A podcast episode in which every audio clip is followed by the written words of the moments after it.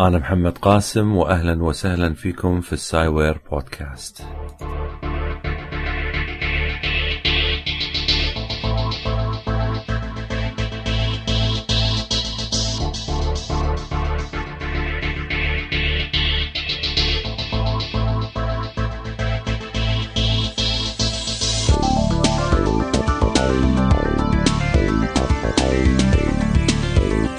البودكاست هذا راح يتناول العلم والتكنولوجيا.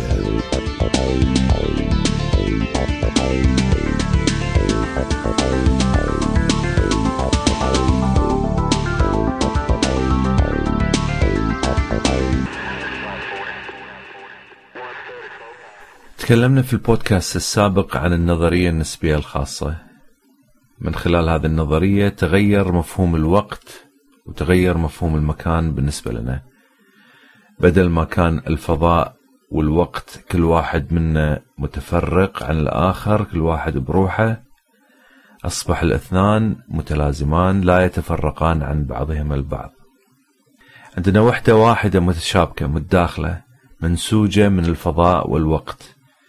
تحت عنوان واحد اسمه الفضاء وقت.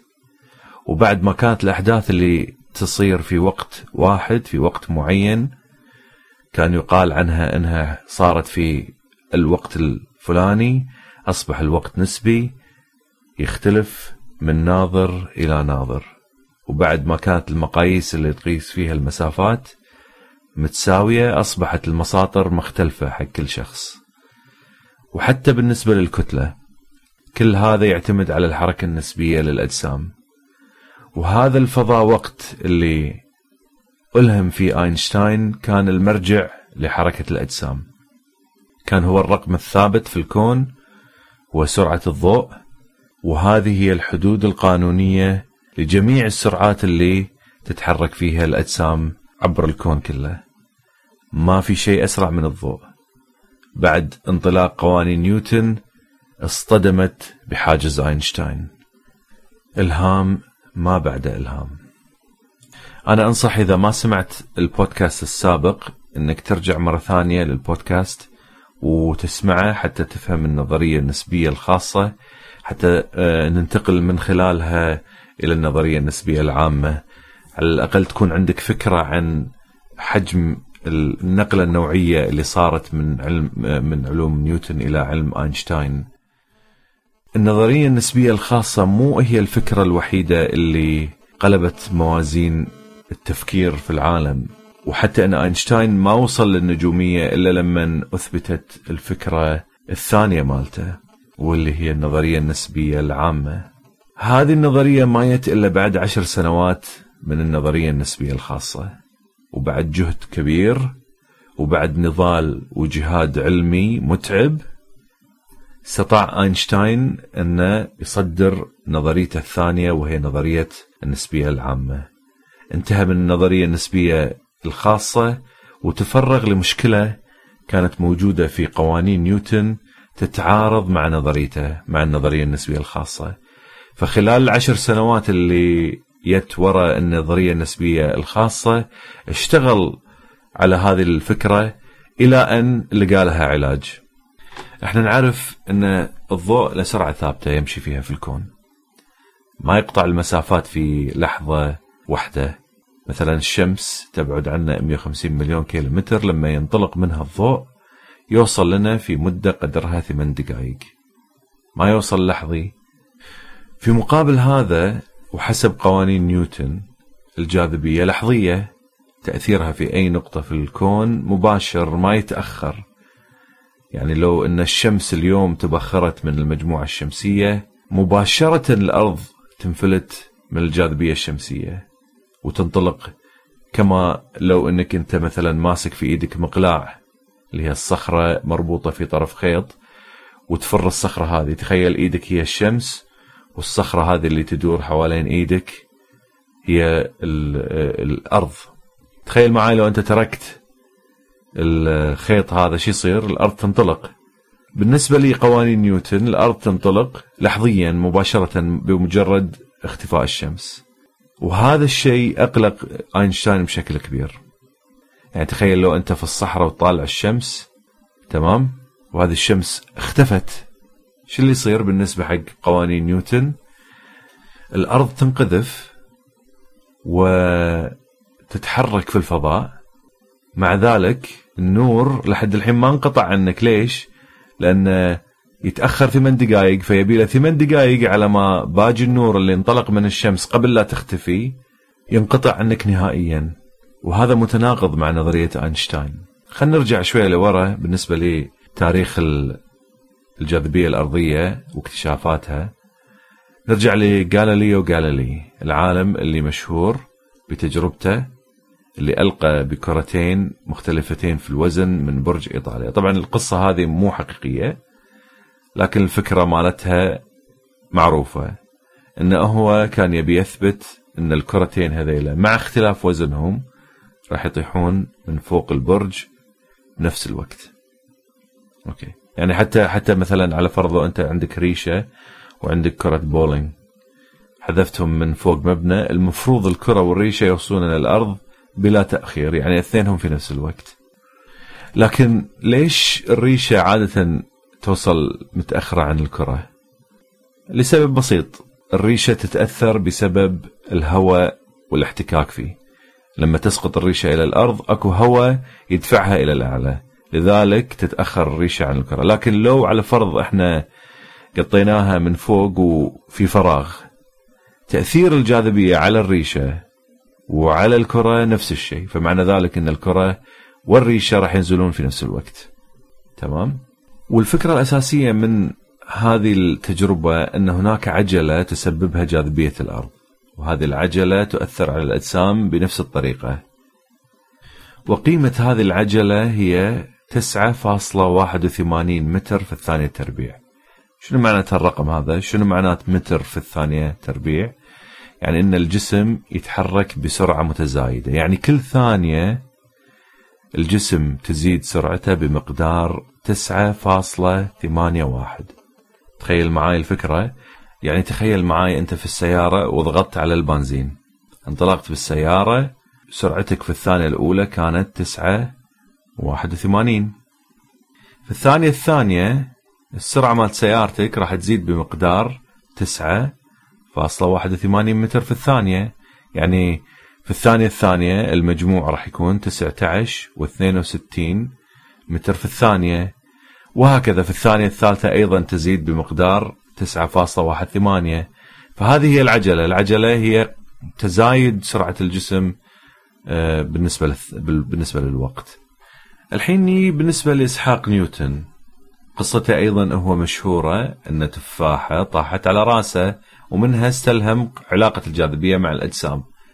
هذه القصة بالتفاصيل هذه مو صحيحة. نيوتن هو على لسانه يا أنه استلهم نظرية الجاذبية بعد ما نظر إلى التفاحة وهي تطيح. أنا حتى حطيت صورة على الموقع اللي التمثال اللي حاطينه في جامعة أكسفورد.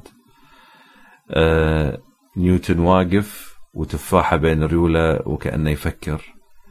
فكان يفكر يتساءل لما شاف التفاحة هذه. قال إذا التفاحة هذه تتأثر بالجاذبية مو المفروض حتى القمر على ارتفاعه في السماء يتأثر بنفس الجاذبية ويبقى في مدارة حول الأرض؟ من هذه الفكرة استخرج نيوتن قوانين الجاذبية للأجسام؟ ومن هذه النقطة أصبحت الجاذبية هي الشيء الخفي اللي لها تأثير على مسافات هائلة.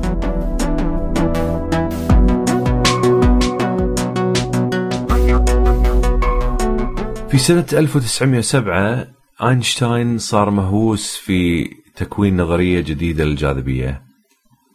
مشكلته أن ما كانت النظرية مالت الجاذبية مالت نيوتن تتماشى مع نظريته النسبية. كانت هذه أصعب مرحلة لأينشتاين.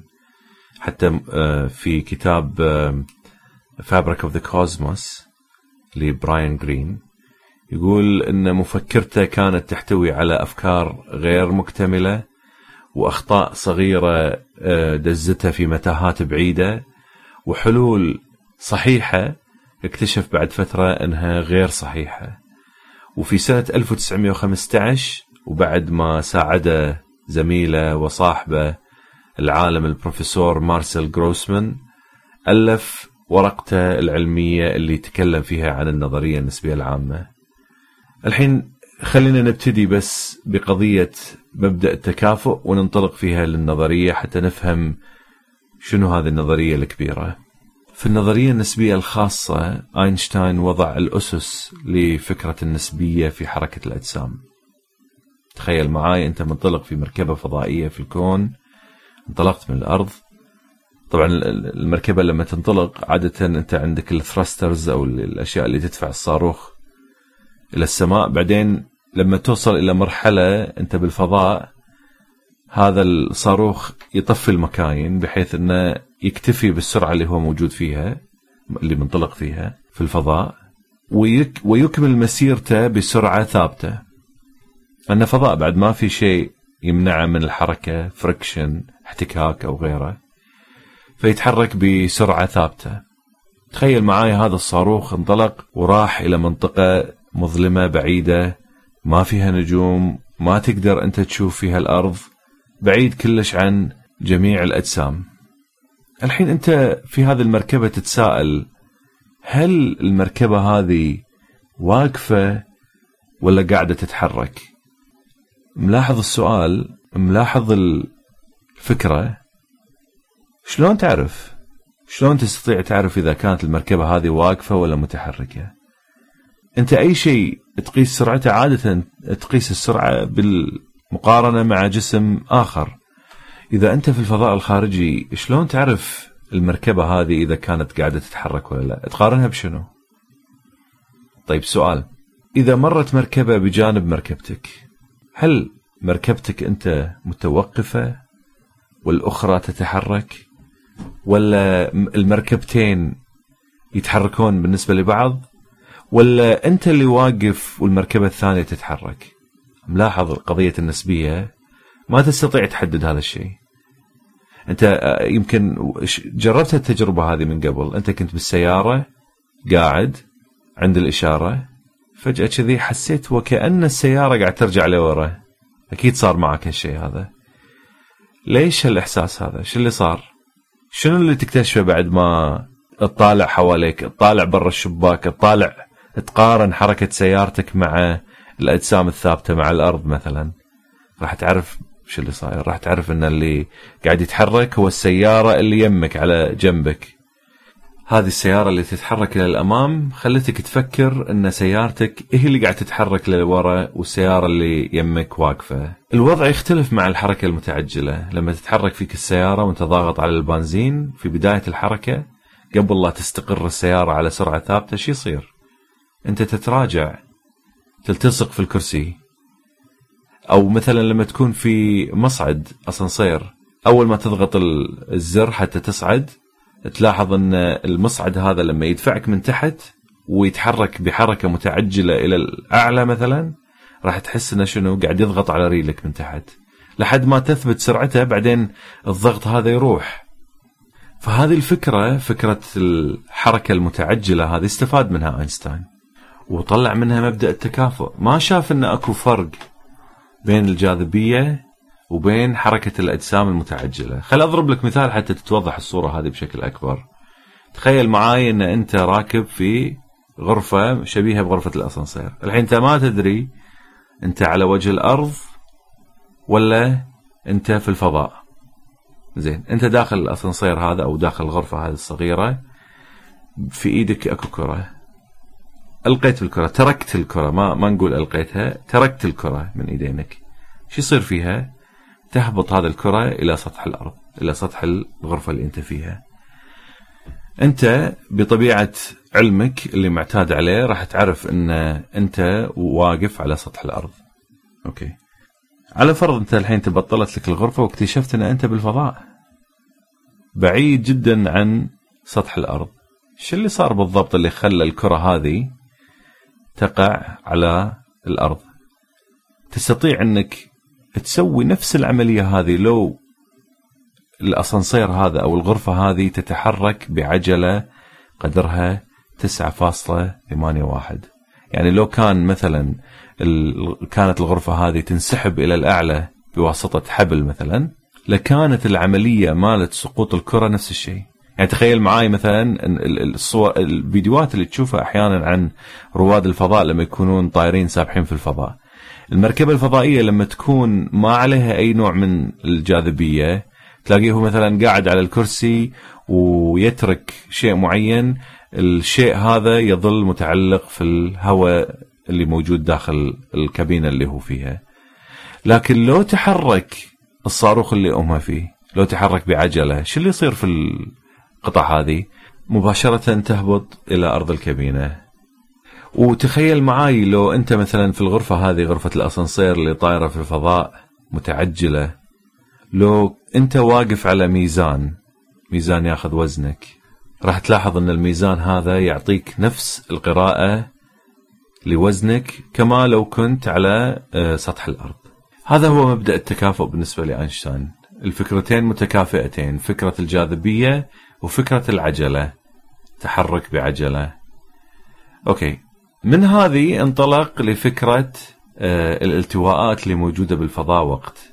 أنا الحين بعطيك مثال علشان تفهم شو اللي صاير وشنو فكرة الجاذبية ومبدأ الجاذبية بالنسبة لأينشتاين.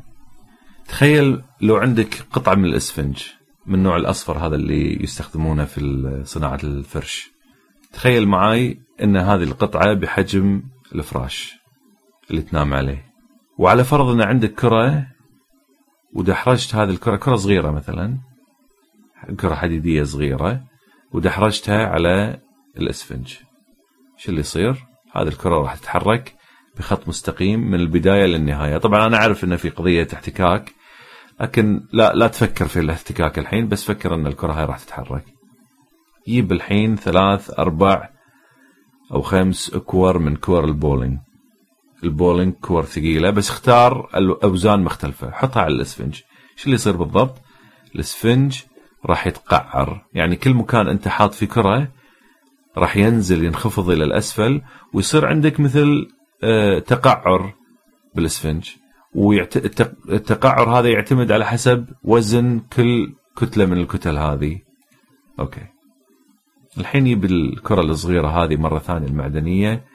ودحرجها بنفس الطريقة اللي كان المفروض تتحرك في خط مستقيم دحرجها بنفس الطريقة على الأسفنج. شو اللي يصير؟ راح تشوف إن الكرة هذه تتحرك ولما توصل حق أماكن فيها أجسام راح تتحرك مع حركة التقعر. يعني تدخل في التقعر نفسه وتطلع من الصوب الثاني. بس شنو صار فيها؟ انحنت شوية. أحيانا ممكن إذا ما كانت حركة الكرة هذه سريعة تدخل في التقعر وتدور داخل ها؟ وشوي شوي شوي شوي لين تسقط آه، وتصطدم في الكرة كرة البولينج.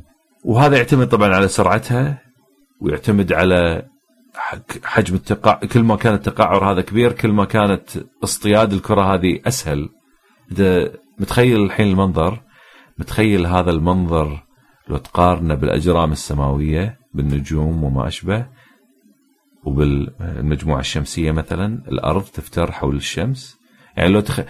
يمكن أنت بعد شفت لقطات أو صور آه لمثلا مسار قمر صناعي أطلق من الأرض ويتحرك بين الكواكب ويتأثر بجاذبيتها والمسار بدل ما يكون خط مستقيم ينحني تدريجيا وهو قاعد يمر خلال آه، من من بين هالكواكب هذه كلها. نفس الفكرة لكن طبعا هناك في الفضاء ما في احتكاك وقضية إنه يسقط يهوي الكوكب إلى المركز تختلف شوية لأن ما في عندك هال آه، تخفي انخفاض في السرعة فتظل الكوكب يظل يفتر إذا انصاد في التقعر هذا.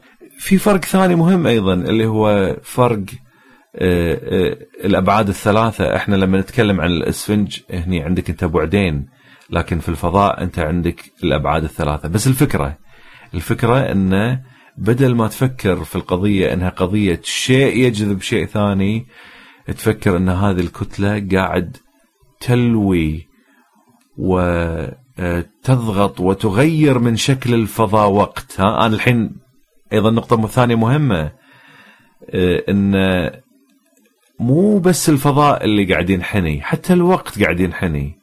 هالالتواءات تصير في الاثنين. الوقت يتغير بسبب الجاذبية هذه أو بسبب الكتلة مات. يعني بالنسبة لأينشتاين في الحقيقة ماكو شيء اسمه جاذبية. الأجسام هذه تسقط في التواءات. هالالتواءات تخلقها الكتل الكبيرة. مع فارق التشبيه اللي ذكرته لكم. فالفكرة الحين أنه إذا في مظلي قاعد يسقط سقوط حر هو إيش قاعد يسوي؟ هو قاعد يتزحلق على هذه الانحناءات اللي سببتها الأرض في نسيج الفضاء وقت. وأينشتاين وضع هذه القوانين على شكل معادلات سموها معادلات أينشتاين للمجال أو Einstein field equations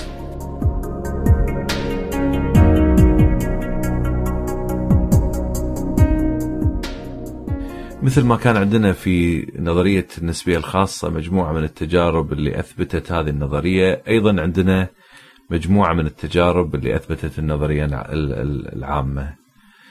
أه، واحدة من الشغلات الأساسية اللي أه، يعني أينشتاين أه، أسس لها من قضية الانحناء أن حتى الضوء ما يستطيع أن يهرب من هذه الانحناءات. هو أيضا ملزم فيها. يعني إذا في في في مثلا جرم سماوي كبير ضخم كتلته ضخمة هذا الجرم السماوي ممكن يؤثر على النسيج للكون بحيث إنه ينحني هذا النسيج والضوء لما يمر خلال الانحناء هذا يمر بانحراف. تخيل معاي أكو نجوم ورا الشمس يعني الشمس صايرة بين النجوم هذه وبيننا إحنا ما نستطيع أن نشوف هذه النجوم اللي صايرة خلف الشمس بسبب وجود الشمس أمامها. المفروض إن الضوء اللي ينطلق من هذه النجوم إحنا ما نستطيع نشوفه لو كانت على العملية النيوتونية على الميكانيكا النيوتونية. هذه النجمة اللي صايرة ورا الشمس لما الضوء ينطلق منها راح يمر يم الشمس ويتعدى ولأن الشمس موجودة فراح تحجب هذه النجوم عنا زين لكن حسب نظرية أينشتاين المفروض هذه الشمس تعمل لنا هذه الانحناءات والالتواءات بالفضاء وقت والضوء يمر حوالين الشمس وينحني وينكسر ويوصل إلى الأرض.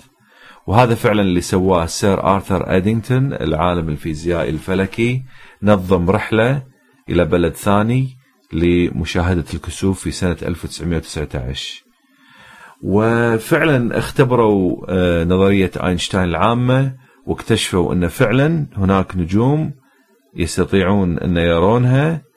إيه، طبعا لما الشمس تكون في حالة كسوف حساس تظلم يعني الشمس ما تبين في الحالة في حالة الكسوف فيسمح للعلماء أنهم يشاهدون النجوم اللي موجودة خلف هذه خلف الشمس.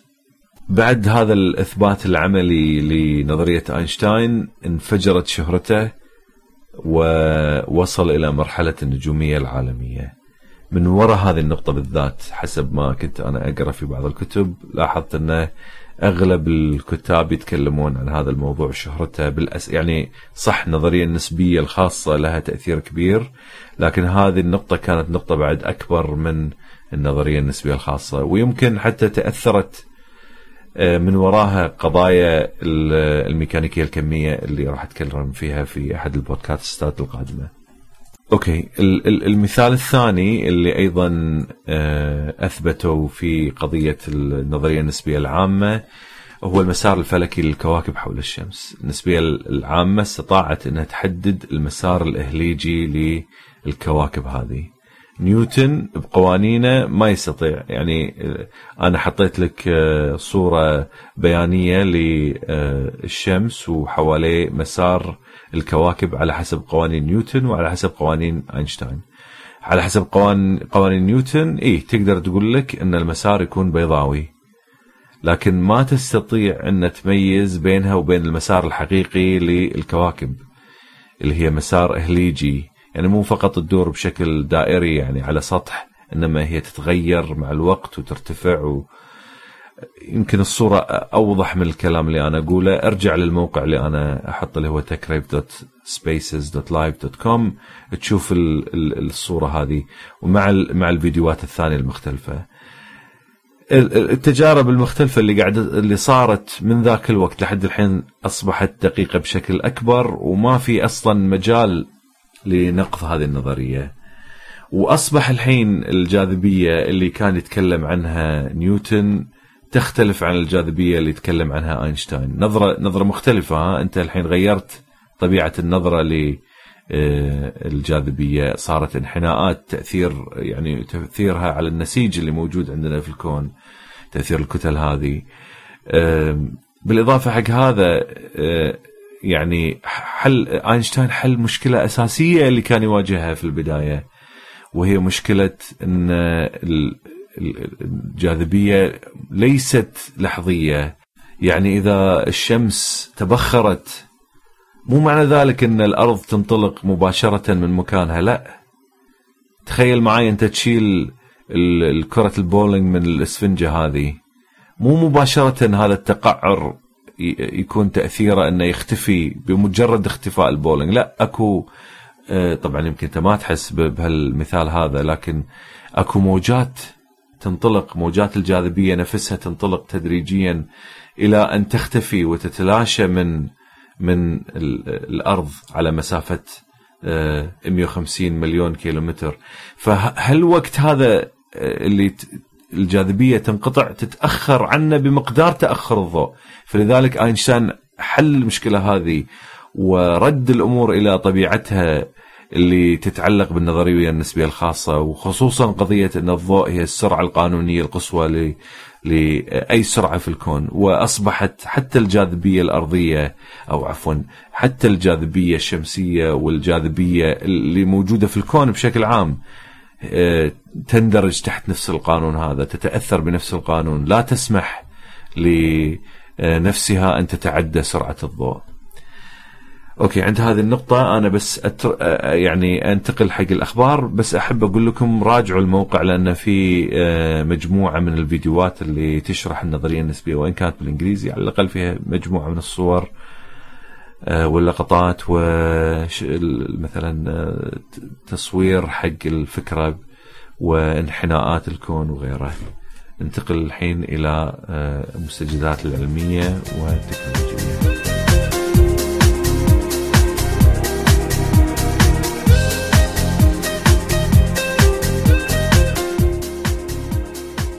في أول خبر استطاع العلماء في جامعة كاليفورنيا من التحكم في طيران حشرة الخنفساء بالتحكم البعيد بال remote control يعني عن طريق اللابتوب. ركبوا على ظهرها جهاز صغير جدا يرسل إشارات إلى عضلاتها بحيث أنه يأثر على حركة الحشرة إما أنها تتوجه إلى اليمين أو إلى اليسار. وإن كان هاي الفكرة مو فريدة من نوعها لأن العلماء مسوينها ومؤثرين على الحشرات لكن غالبا تكون موصلة ب wire والتحكم بالحشرة ما يكون عن بعد. فهذه الحين أنا حتى حطيت لك فيديو تستطيع تشوف الحشرة هذه شلون. طبعا هي حشرة كبيرة ها خنفسانة كبيرة مو صغيرة. فشوف تشوف شلون يتحكمون بالحشرة هذه. وطبعا أكيد من هذا راح تشوف إن الوزارة وهذا حصل بالفعل وزارة الدفاع الأمريكية تدفع مبالغ طائلة حق أمور مثل هذه لأن تدعم آه، التوجه اللي ممكن يسند آه، الدفاع عندها.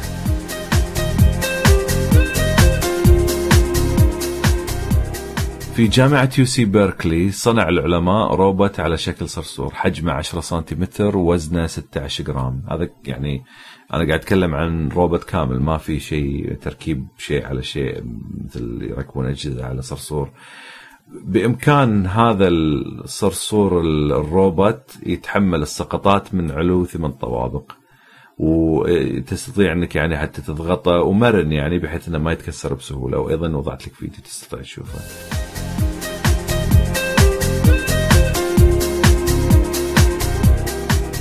في الخبر الأخير مخترع المكنسة الكهربائية الرائعة دايسن اخترع مروحة غريبة. بس قبل لا أتكلم عن المروحة أنا عندي هالمكنسة الكهربائية. شريتها هي شوي غالية لكن فعلا كفاءة غير طبيعية. أنا جربت مكانس بس هذه المكنسة تشفط ال... يعني شوي وتنزع الأرض من مكانها. فعلى نفس النمط هو الظاهر كل شغله على الهواء فصنع مروحة غير تقليدية ما فيها مراوح ما فيها البروانة أو ما فيها الشفرات الثلاثة وسطها مجوف لكنها تنفخ الهواء بكفاءة كبيرة. آه، أيضا وضعت لك أنا رابط وفي الرابط هذا موجود آه، آه، في فيديو تستطيع أنك تشاهد المروحة الغريبة هذه. وأيضا هناك صورة لاختراع السير دايسون. أشوفكم في الحلقة القادمة بس أذكركم مرة ثانية أن تراجعون الموقع techrave.spaces.live.com حتى تاخذون معلومات زيادة. وفي نفس الوقت لا تنسون تشاركون في آيتونز حتى الحلقات آه، للساي وير بودكاست. تنزل لكم مباشرة. من غير ما تحتاجون تنتظرون مني إن أحط إعلان.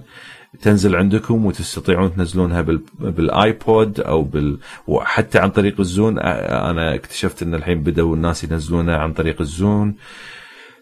وفي الأخير أحب أشكر آه، المستمعين للاستماع للحلقات وخصوصا أن في الفترة الأخيرة بدأت تزداد الأعداد للمستمعين.